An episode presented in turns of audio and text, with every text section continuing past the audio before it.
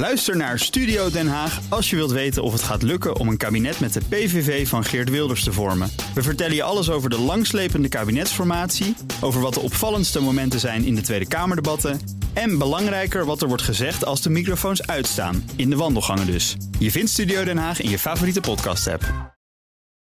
DNR Nieuwsradio. Boekenstein en de Wijk. Hugo Reitsma.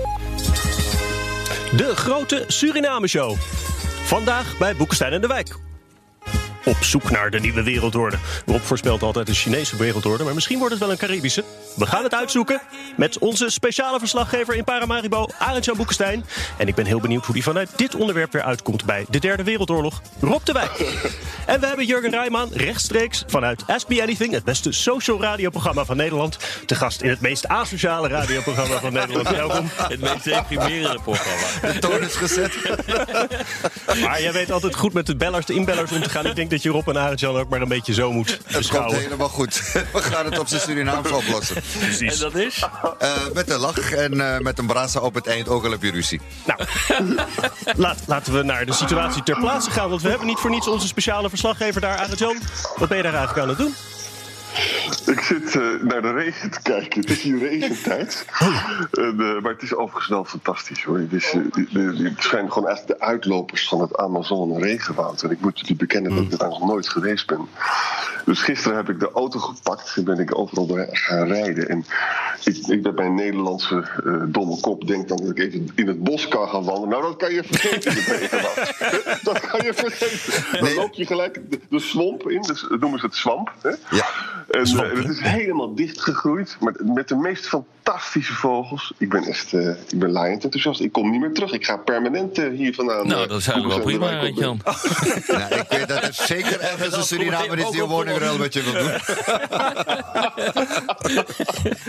Hey, Jurgen, je hoort het, je zit met mensen met heel veel verstand van zaken. Duidelijk. Ja, ja, de- ja, voor als je denkt dat je even door het bos gaat wandelen.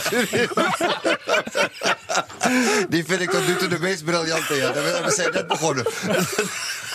En Kan je ons een beetje, ik weet bijvoorbeeld wel, van een paar jaar geleden was een grote economische crisis. Ja. Hoe, hoe gaat het nu met het land in, in die zin? Is het een beetje opgekrabbeld alweer? Nee, Ik denk dat het ietsje groter is, de crisis nu. Eh, het, is, ja, het, het probleem met Suriname is, is dat, eh, en als je het mij, in mijn eerlijke mening vraagt, is dat het, het vooral een gebrek is aan een consistent beleid. Een, een beleid met visie.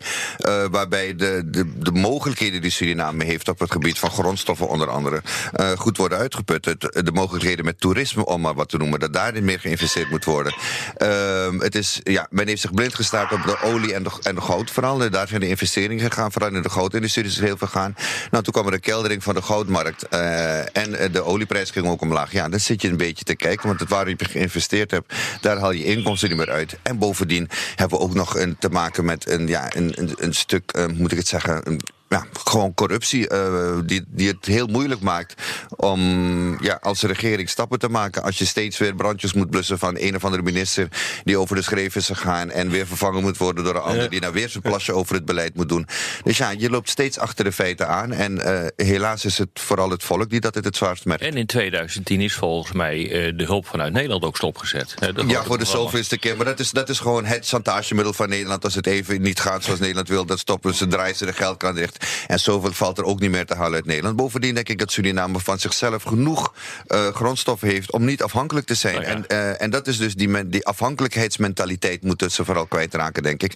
En eh, durven ook op eigen benen te staan. Maar eigenlijk heeft China het overgenomen van, van Nederland, hè, wat dat Ja. betreft. Absoluut. Als je, nou, ik, ik denk dat eh Robert kan beamen. Ik bedoel, als je nu door Nederland loopt, eh, of als je nu door Paramaribo loopt, je ziet gewoon de Chinese supermarkten, zie je als ja, een soort van eh, paddenstoelen uit de grond verrijzen. En je vraagt je af waar ze hun waar kwijt kunnen.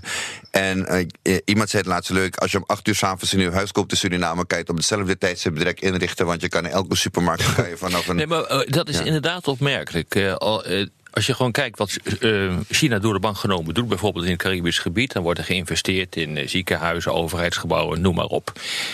Maar hier worden enorme aantallen winkels neergezet. Dat, dat vind ik opmerkelijk. Heb jij daar een verklaring voor? Nou, ik denk dat het vooral te maken heeft met eh, dat China zich via de handel wil, eh, in, wil in de gemeenschap eerst wil implanten. Je ziet het in de meeste gebieden waar ze komen, is dat ze via de handel eh, vooral binnen proberen te komen. Dus de lokale handel op non-actief zetten. Ze beginnen daarna ook, dan nemen ze de haven over. Ja. Ze hebben een groot gedeelte van de haven in handen. Dus alle hokcontainers komen ook ja, vrij goedkoop binnen. Dat, dat wordt dan ja, geregeld. Je weet hoe dat gaat over het algemeen in dit soort landen qua structuur.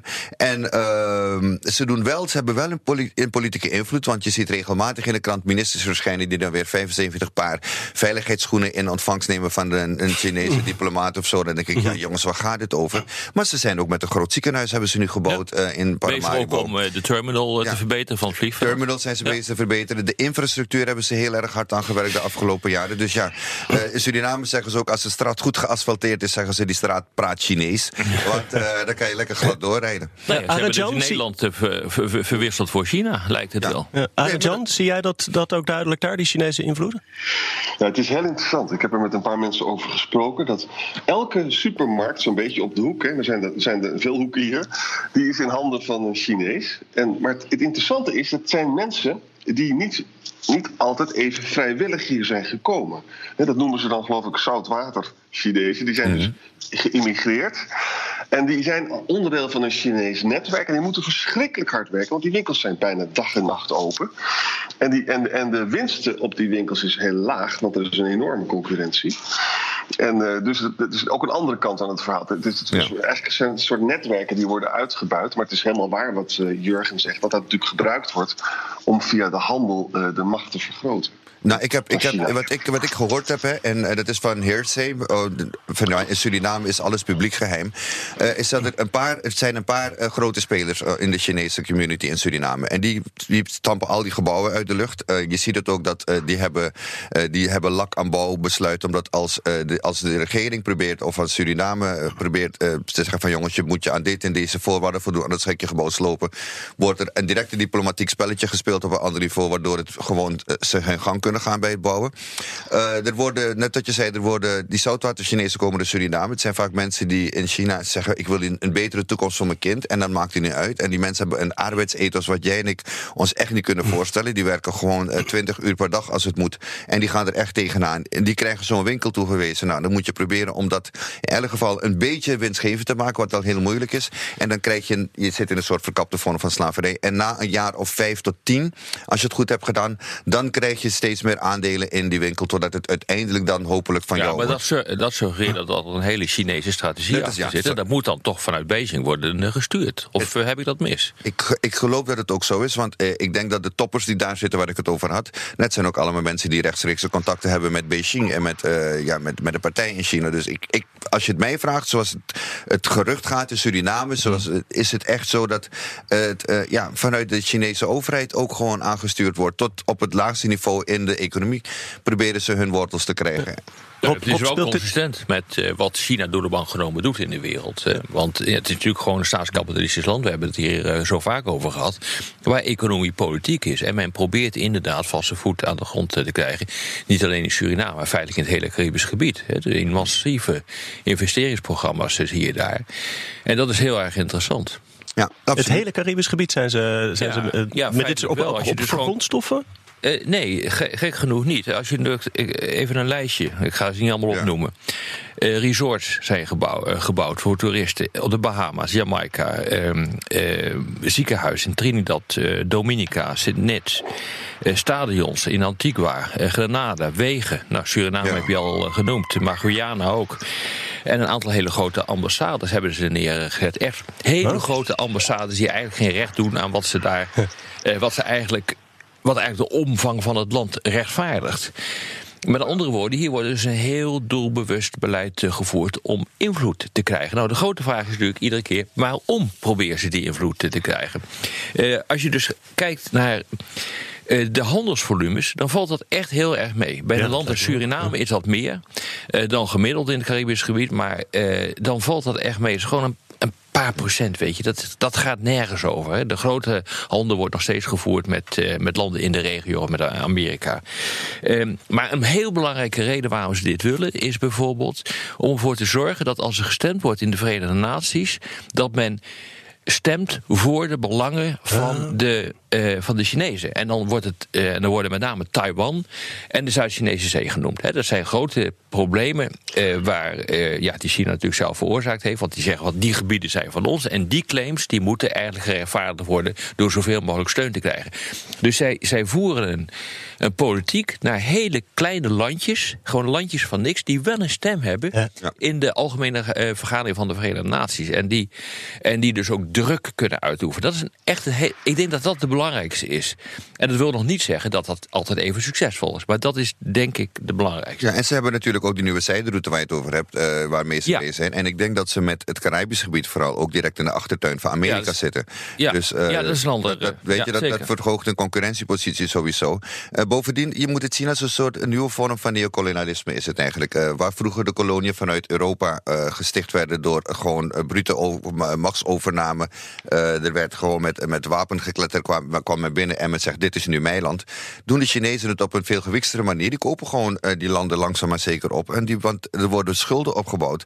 Waarbij er vooral grote staatsbedrijven um, uh, als onderpand worden gegeven. En ja, uiteindelijk ben je gewoon economisch... zit je gewoon voor 40, 50 jaar vast aan China... met al je beslissingen die je wil nemen. het gaat nog veel verder, want als je het niet terug kunt betalen, die leningen... Ja. het is ook een schuldenproblematiek die wordt gevoerd... dan kun je dus Sri Lanka is daar een mooi voorbeeld ja, van. Maar uh, exact, maar Vat, uh, Vanuatu uh, ja. in de, Stille Oceaan is ook een voorbeeld daarvan. Tonga is een voorbeeld. en een Europees voorbeeld gaat Montenegro waarschijnlijk worden. En dan wordt er gezegd, ja, doe mij maar even een haven... die vervolgens voor militaire doeleinden wordt gebruikt. En op die manier kan je op een hele goedkope manier... kan je dus je militaire footprint over de hele wereld mm uitvoeren. en we noemen nou alleen maar negatieve aspecten daar... maar is het ook niet Zit er ook niet iets positiefs aan? Er wordt dan wel geïnvesteerd. Ik kan me voorstellen dat dat welkom is. Uh, er wordt geïnvesteerd, het is heel welkom. Maar het is ook van. Uh, ik zeg, als je investeert met de bedoeling om er beide beter van te worden. dan ben je met een goede investering bezig. Uh, dan ben je echt oprecht bezig om te kijken hoe kan ik dat dan opbouwen. Ehm, ik heb eerlijk gezegd. Um, die bedoelingen van China kan ik nog niet echt herkennen in hun strategie die ze hebben. Uh, maar wellicht, uh, ja, voor onze gezondheidszorg is het sowieso een verademing met het nieuwe ziekenhuis dat er komt. Dat gaat echt een behoorlijke uh, last afnemen van het academisch ziekenhuis, wat echt in shambles ligt nu in Suriname. Dus voor onze gezondheidszorg is het zeker een zegen. En ik hoop ook dat het volk het ook gaat merken op de lange duur. Dat, dat, het, dat het toegankelijker wordt, dat het voor onze bevolking in elk iets gaat uitmaken in Suriname. Dus ja, het heeft, het heeft natuurlijk ook zijn voordelen. Dat, dat moet je niet over uh, daar, daar, moet je niet moeilijk over doen. Wat, je, wat ik wel ook in het verleden heb gehoord, is dat China zo ver was dat ze al een gedeelte van Suriname hadden gevraagd om een soort enclave te beginnen. Ze wilden echt een, niet een Chinatown maken, maar gewoon een, een, ja, een, een China City wilden ze maken. Waarbij er dus Chinese immigranten zouden komen. Die zouden grond krijgen om dat te verbouwen, te verkavelen, uh, landbouw te doen en noem maar op. Dus ja, Um, als dat gebeurt, dan krijg je wel op een gegeven moment dat er spanningen gaan ontstaan. Dan neem je het hele land over. Maar dan neem je land over. Ik bedoel, we wonen bijna niemand in Suriname. Dus. Maar nu wel, Arend Jan. En de Chinezen. Iedereen wil erheen. Iedereen wil erheen. Ja. BNR Nieuwsradio. Boekenstein en de Wijk. Op zoek naar de Caribische wereldorde. Dit is Boekenstein en de Wijk. En dat programma is natuurlijk niet zonder Arend-Jan Boekenstein en Rob de Wijk. Mijn naam is Hugo Reitsma en onze gast is oud-restauranthouder Jurgen Rijman. Naast nog een paar ambachten. Uh, we hebben het over Chinese invloeden in Suriname en in de regio. En Rob, jij zei, we, we, moeten daar nog een paar punten... Eh, nou ja, weet je, kijk, je, je, je, om het even cru te zeggen... je ruilt de ene kolonisator in voor de andere. Kijk, eh, het, het, grote verschil is eh, dat westerse landen ook altijd vinden... hoe een land bestuurd moet worden. En eh, dat, daar heeft China niet zoveel last van. Eh, die zegt, nou, je bekijkt het maar of dat nou een democratie is of een dictatuur... je martelt je mensen, dat maakt eigenlijk allemaal niet zo gek veel uit. Maar eh, als we maar kunnen investeren en als we de investeringen, nou, eerder gezegd, eh, niet terugkrijgen, dan mag, je, eh, dan mag je dokken, dan mag je een stuk land overhandigen. Nou, een land als Suriname is in fantastische kandidaat. Hoeveel mensen wonen daar? 400.000? of zo? Eh 500.000. Nou ja, eh, ja, ik bedoel, met de illegale. Brazilianen erbij hebben Dus we dat- 500.000. Ja, dat, en het is een gigantisch land met enorme rijkdommen aan bauxiet bijvoorbeeld. Eh, Dus nou ja, weet je. Nou, niet alleen dat- bauxiet, hout. Ik bedoel, er is ooit een berekening geweest, tien jaar geleden, eh, over de, zeg maar, de plek waar Suriname stond qua, qua e- economische rijkdommen. Dan praat je dus over grondstof en zo. En Suriname stond op de 17e plaats Ja, dat zou wereldwijd. verbaast me niks. Maar dat is dus een ongelooflijk aantrekkelijk doelwit eh, voor China. En met ook nog eens keer zo'n ontzettend kleine bevolking. Ja, nou ja, dan kan je wel begrijpen wat er gebeurt. En inderdaad, als je daar dan een eigen wijk gaat bouwen... eh, dan ga je al heel snel enorme invloed hebben. Het probleem is eh, dat er dus politieke afhankelijkheden bestaan. En dan weten we ook hoe China gaat reageren. Je moet je ook niet keren tegen China. Want dan krijg je te maken met de lange ar- arm van China. En dan word je om je oren geslagen. En voor een klein land als Suriname is dat niet, niet moeilijk om dat eh, te doen. Dus je, je creëert afhankelijkheden die niet gezond zijn. Ja. Arend-Jan, eh, ik begreep dat jij ook al een beetje geïnfiltreerd was in het, eh in het roddelcircuit daar. Dat je met mensen eh, dineetjes had gehad. Wat hoor je dan over, over dit soort onderwerpen? Nou, het gaat met name over die Chinese invloed. En daar wordt ook veel over verteld. Hè, van, eh, de Chinese ambassadeur zei bijvoorbeeld in 2014 al van uh, Suriname is een groot land. Hè, vijf keer groter dan Nederland. En er wonen heel weinig mensen. Slechts eh 500.000 mensen. Zeg maar Amst gemeente Amsterdam woont hier in een heel groot land. Dat betekent dus dat het een heel gelukkig land is, zei hij. Daarmee bedoelde hij dus van er is nog heel veel over. Hè. Gelukkig Nou, hebben ze nog veel, dat bedoelde hij. Ja. ja, ja, ja. En hij, en hij zei ook van eh, eh, twee derde eh, van de eh, goud. eh, Zeg maar, industrie die is, is illegaal eigenlijk. Hè. Dat, dat gaat gewoon het land uit. Er wordt ook geen belasting over betaald. Er zitten ook Chinezen achter.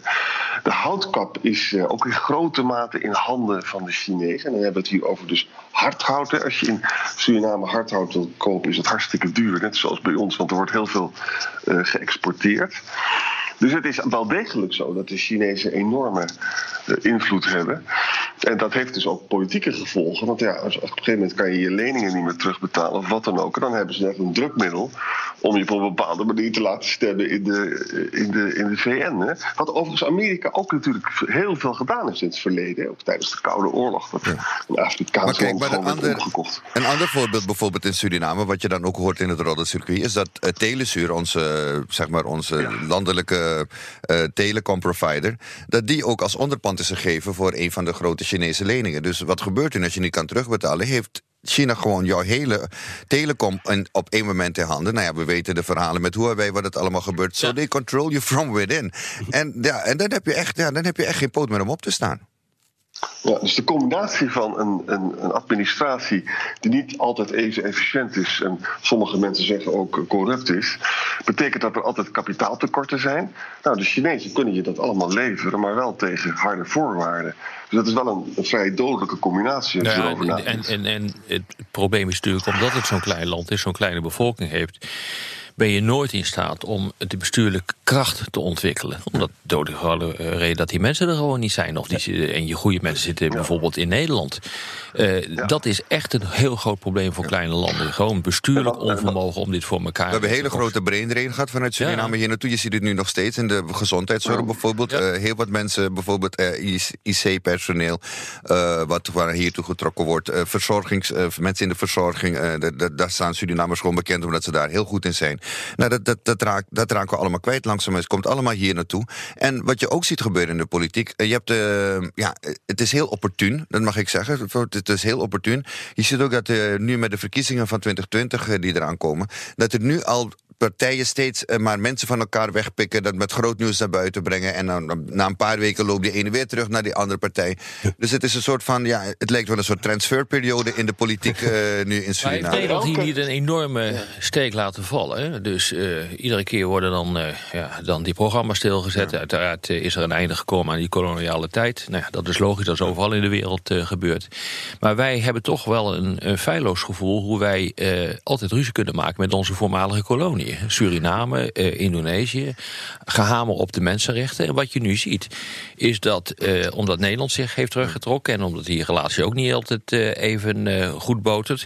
je ziet dat Amerika zich aan het terugtrekken eh, is uit het Caribisch gebied. Vind je het dan gek? Vind je het dan gek Ja. dat een land als China daarin, daarin duikt in dat, eh, in dat gat? Nou, ik zeg altijd nee. China, Ja. heeft, China heeft in elke politieke partij ook een, zit ook een Chinees. Dat Ja. vond ik zo opmerkelijk. Ja, jij hebt natuurlijk gewoon, eh, je hebt natuurlijk eh, Surinaamse Je Chinezen. hebt een hele grote Chinese community, maar je hebt- we hebben ook de nieuwe en de oude Chinezen, zoals we dat noemen. En eh, daar zie je ook een duidelijk verschil in, eh, in Suriname. De oude Chinezen zijn de mensen die al generaties lang hun families in Suriname lopen. Die kijken ook heel anders tegen deze situatie aan. Vanaf de tweede helft van de 19e eeuw, denk ik. Hè? Weet je dat wel ja, gaan uitlopen ja. op de afschaffing van de slavernij? Na de afschaffing eh, van de slavernij, Ja. na de contractperiode, in 1873 vooral, toen kwamen er heel veel eh, gastarbeiders. Of tenminste, ja, het waren gastarbeiders, dachten ze dat ze zouden zijn. Het waren gewoon werknemers die werden geïmporteerd. En de Chinezen hebben zich toch vooral op de handel eh, gestort, al toen al eh, in die tijd. En daar hebben dus een aantal generaties eh, grote Surinaamse Chinese families ook, die echt, Ja. die zijn zo Surinaams als ik ben ook. Maar zou jij zeggen dat dus Europa vanuit die oude koloniale banden misschien juist weer wat meer eh, met die regio kan? Of zou je zeggen dat mensen daar dan denken, nou, dat, daar hebben we wel genoeg van? Nou, ik denk dat, ja, dat, dat, we, dat we een beetje Europa bleu zijn eh, in het Caribisch gebied. Dat heeft ook te maken met het feit dat is, eh, Europa, en dat zie je bij Nederland vooral... en dat is echt die moeder die zegt, nee, jij moet zo gauw mogelijk op kamers gaan wonen... maar die wel elke dag komt kijken als je kamer hebt opgeruimd... hoe je kamer hebt opgeruimd... en dan gaat bepalen van, ja, maar sorry, maar dan ga ik de toelagen van oma stoppen... omdat je je kamer niet netjes eh, op orde hebt. Dus het, het is ook... Ja, daar hebben mensen de ja. bak van. Ja, een beetje die constante bemoeizucht. En eh, ik vind van je laat, je laat mensen op eigen benen staan die er nog niet klaar voor zijn. Het was ook de hebzucht van de PvdA toen. eh, die wilde zich, had een soort geldingsdrang onder de uil van. We moeten laten zien dat we geen, kolina, geen kolonies meer hebben. Dus we moeten Suriname vrijlaten. Ja, het is Suriname dat, dat extreem nationalistische gevoel van we moeten het alleen, we moeten het alleen. Maar ja, het is net dat je Dat zegt. je niet. Je kan niet. Je, je moet, als ik mijn kinderen zeg van je kan op jezelf gaan wonen, dan moet ik ervoor zorgen dat ze er klaar voor zijn. maar is het land te klein voor. Het land is ja. Ja, zal, ik, zal ik een mooi voorbeeld geven wat er in de Surinaamse politiek eh, gisteren allemaal gebeurd is? Dat was echt een prachtig verhaal. Ja. Je moet je voorstellen, je hebt hier dus het Medisch Wetenschappelijk Instituut. Hè. Daar gaan dus de kinderen naartoe om dokter te worden. En eh, de- het, eh, Wouters had het geld niet overgemaakt en er was een nummer fix, stond op 60. Hè. Toen zei de voorzitter van het parlement eh, van luister eens, dat, dat kan dus niet. En dan, moeten we, dan moet het maar terug naar 20, want er is gewoon te weinig geld. En dat wordt dan dezelfde dag overruled door de president himself, Bouterse. Nee, er mogen gewoon 60 man komen.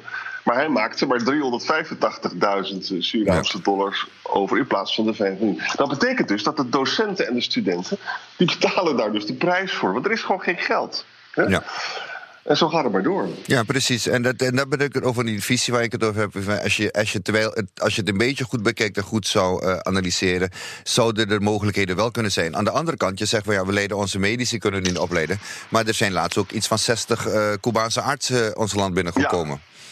Weet je, Ja. dus dat, dat zie je daar ook weer gebeuren. Dat is dan een soort van ontwikkelingshulp wat vanuit Cuba komt. Maar die gaan dadelijk het hele Chinese ziekenhuis gaan ze onder andere moeten vullen. En dan komen er ook waarschijnlijk wat Chinese specialisten. En onze eigen kinderen worden niet opgeleid. Zodat je dadelijk een manco hebt van Surinaamse artsen. Ja. En de hele generatie wordt overgeslagen. Ja, maar wat wil je nou eigenlijk? Het is een middelgrote stad eh, in Nederland. Ik bedoel, dat kan niet al die functionaliteiten en, en al die functies. eh, Nou, ik geloof, daar ben ik niet gaat met je niet. eens. Ik denk dat het wel kan, want we hebben, we, hebben, we hebben het bewezen in de jaren tussen zeg maar 1975 en 1980 ging het vrij goed met Suriname. Je zag ook dat de potentie er was, er werden de juiste investeringen gedaan. Maar ja, op een gegeven moment ook door corruptie toen al en mensen die echt maar vooral het eigen belang voor ogen hadden, is het fout gegaan. Maar ik geloof echt oprecht dat als Suriname een generatie krijgt waarbij het eh, partijbelang en het eigen belang eh, ja, zeg maar ondergeschikt wordt geraakt aan het nationale belang. Dan komen er wel. Maar zou dat kunnen met een land dat zo grondstoffenrijk is? Hè, Dat, je ziet dus in landen die grondstoffenrijk zijn, eh, die gaan leven van de export van die grondstoffen, die worden daarvan afhankelijk. Dat leidt per definitie tot corruptie en slecht eh, bestuur. Omdat heel veel natuurlijk gewoon via de achterdeur het eh, land uitgaat. En dat is ook goed voor De verleidingen zijn groot. Ja, de verleidingen zijn heel groot. En je bent buitengewoon kwetsbaar. Want eh, als de prijs op de wereldmarkt gaan dalen, eh, dan heb je onmiddellijk een probleem. In het groot zie je dat eh, met Rusland. Eh, gas, ja. die, hebben hetzelfde, die hebben hetzelfde probleem, Saudi-Arabië. Maar Suriname heeft op kleinere schaal eh, ook hetzelfde De, probleem. de grondstoffenvloek. ja, natuurlijk. Ja, dat zie je bij de Emiraten bijvoorbeeld ook. Van, eh, ja, weet je, die gasten die hebben zoveel geld, maar dat kan alleen maar worden bestuurd door een vorm van dictatuur. Dat vanuit eh, ja, de sheikenfamilies komt. Anders red je het niet. Dus Ja, ja, en de mevrouw die Sheikh die gaat het land uit. ja, precies. Ja, die, moet, die, eh, moet, die moet wonen vluggen. ja, precies. Nou, goed. Misschien duurt het dus nog een generatie, maar dan gaan we toch echt, denk ik, richting de Caribische Voor de radio moeten we het hierbij laten. Op de podcast gaan we nog even door met luisteraarsvragen. Ik verwijs naar iTunes, Spotify of uw eigen podcast app. Daar kunt u ook vragen stellen en commentaar kwijt. Wout T. die vraagt naar China inderdaad. En ook van, ligt eh, Suriname nou op de nieuwe zijderoute? Nee. Formeel niet. Nee, dat- dat Volgens is- mij dat is dan weer maar wat daar wil ik even afwezen, want het verandert per dag. Het eerste land eh, dat eh, toetrad tot de nieuwe zijderoute, het Belt and Road Initiatief, was Trinidad. En daarna is het redelijk stil geweest. Maar eigenlijk maakt dat niet zo gek veel uit.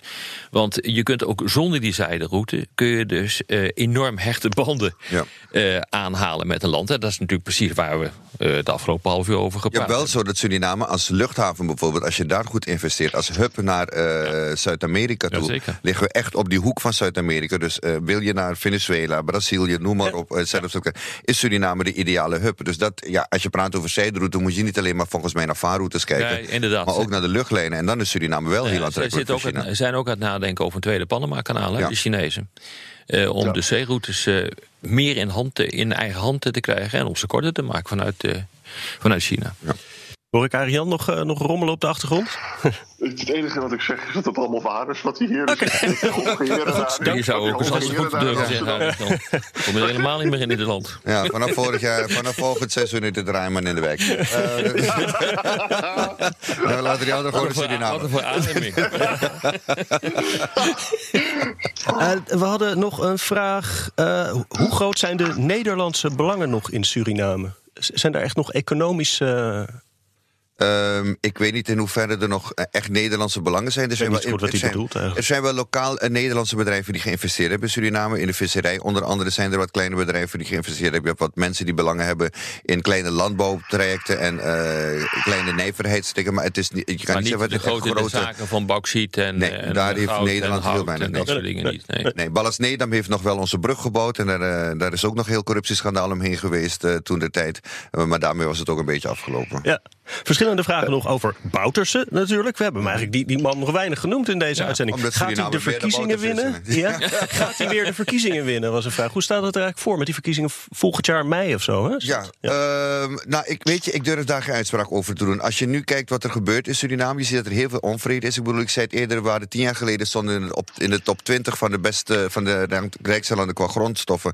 En nu staan we in de top 10 van de landsten met de grootste, landen met de grootste armoede. Ik bedoel, 70% bijna leeft tegen de armoedegrens aan.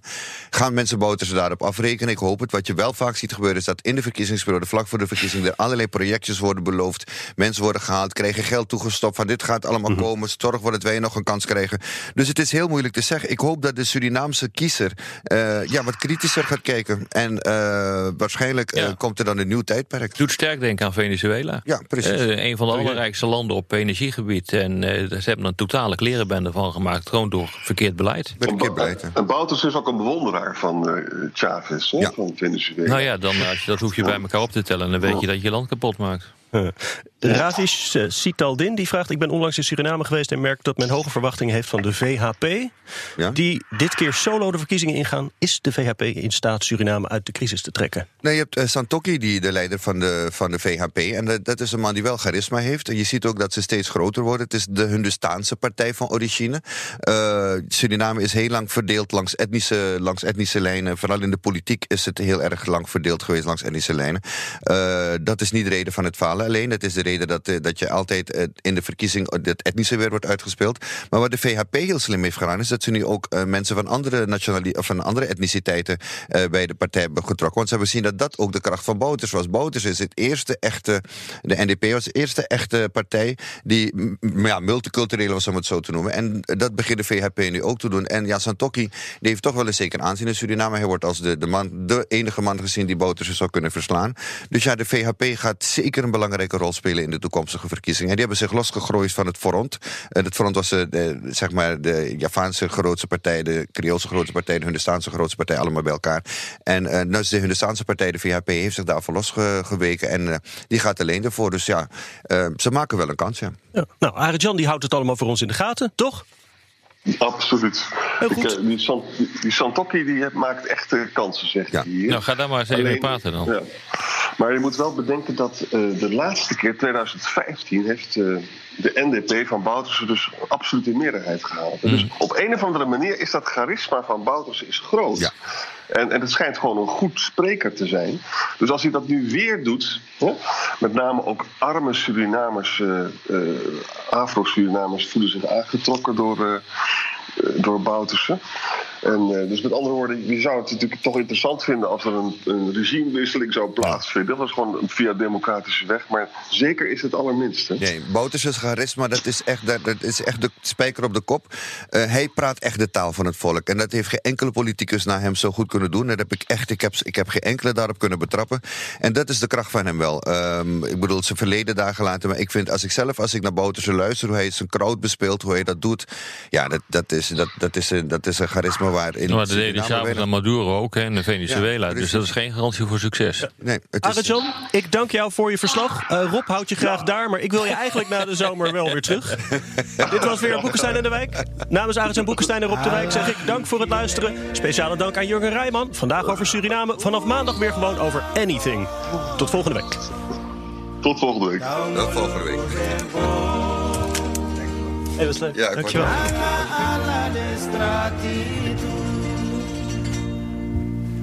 Alla pichinengre, umgo na foto, umuluku deng strat, alla sotu strat, brandi stratis mara strat, yanga strati shatu strat, alla pichinengre. Ook Thomas van Zeil vind je in de BNR-app. Je kunt live naar mij luisteren in Zaken doen. De BNR-app met breaking news. Het laatste zakelijke nieuws. En je vindt er alle BNR-podcasts. Bijvoorbeeld Het Nieuwe Geld. Download nu de gratis BNR-app en blijf scherp.